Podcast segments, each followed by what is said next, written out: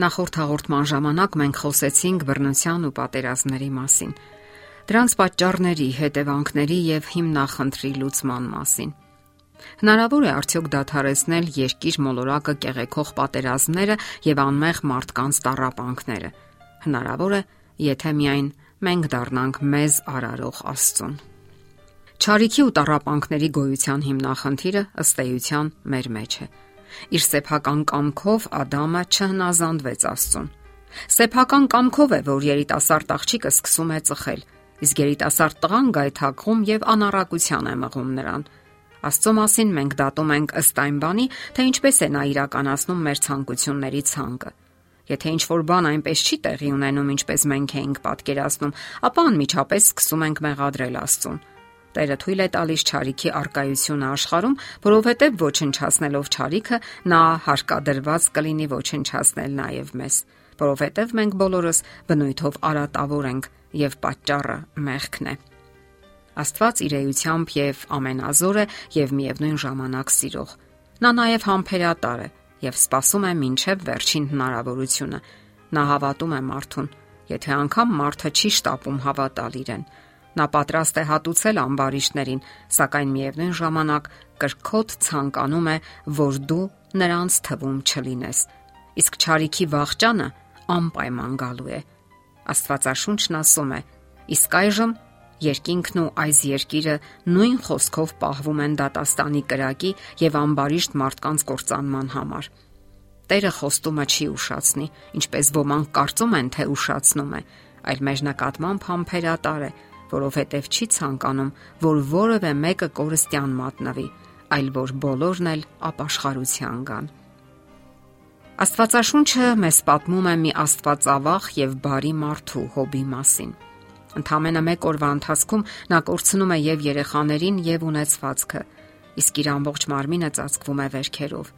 Նրան այցելում են ընկերները, ովքեր սկսում են պաշտպանել Աստծուն ճիշտ բացատրություններով Սակայն դա հոբին չի մխիթարում եւ դրանից նրա վիճակը չի թեթևանում։ Հոբը հարցեր է տալիս Աստծուն եւ պատասխաններ պահանջում։ Հոբը չգիտեր այն, ինչ գիտենք մենք։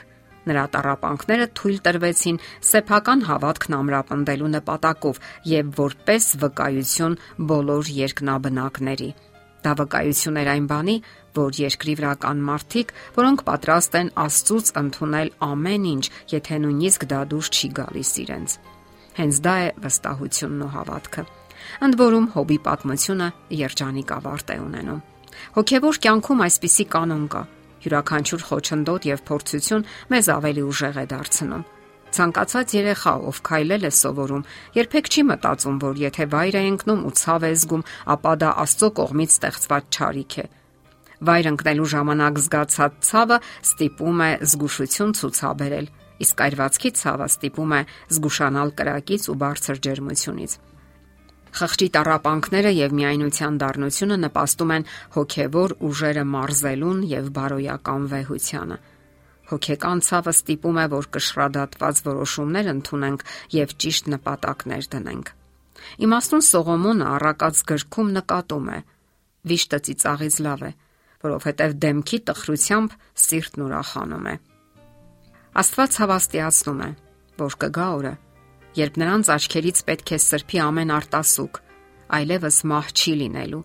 Չի լինելու նաև ոչ սուկ, ոչ աղաղակ, ոչ ցավ, որովհետև նախկիններն անցան եւ հորդորում է մեզ դիմանալ։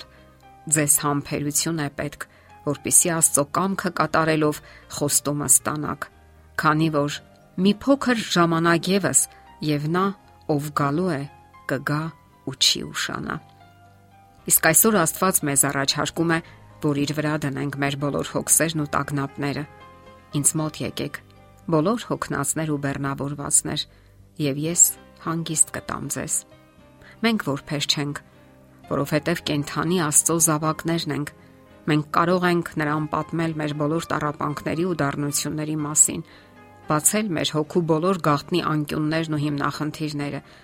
Նա իհարկե գիտի ամեն ինչ մեր մասին, սակայն սпасում է մեզ որպես իր զավակների։ Նա սпасում է այնպես, ինչպես հարազատ հայրն է սпасում մոլորված եւ հոգսերի մեջ դառնացած զավակներին, որպիսի մխիթարի ու օգնի։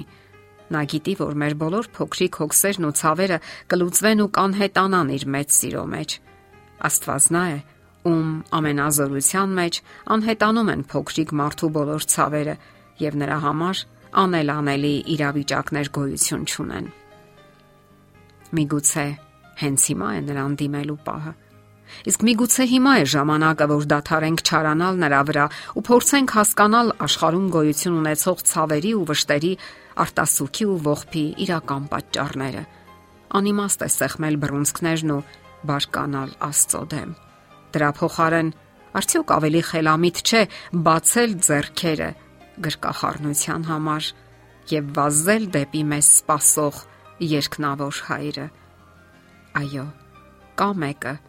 ով հենց այս պահին սпасում է մեզ, ով կհասկանա եւ կօգնի մեզ։ Դու միայնակ ես եւ ճարիքն էլ հավերժ գոյություն չի ունենալու։ Եթերում է ղողանջ հավերժության հաղորդաշարը։ Ձեզ հետ է գեղեցիկ Մարտիրոսյանը։ Հարցերի եւ առաջարկությունների համար զանգահարել 033 87 87 87 հեռախոսահամարով։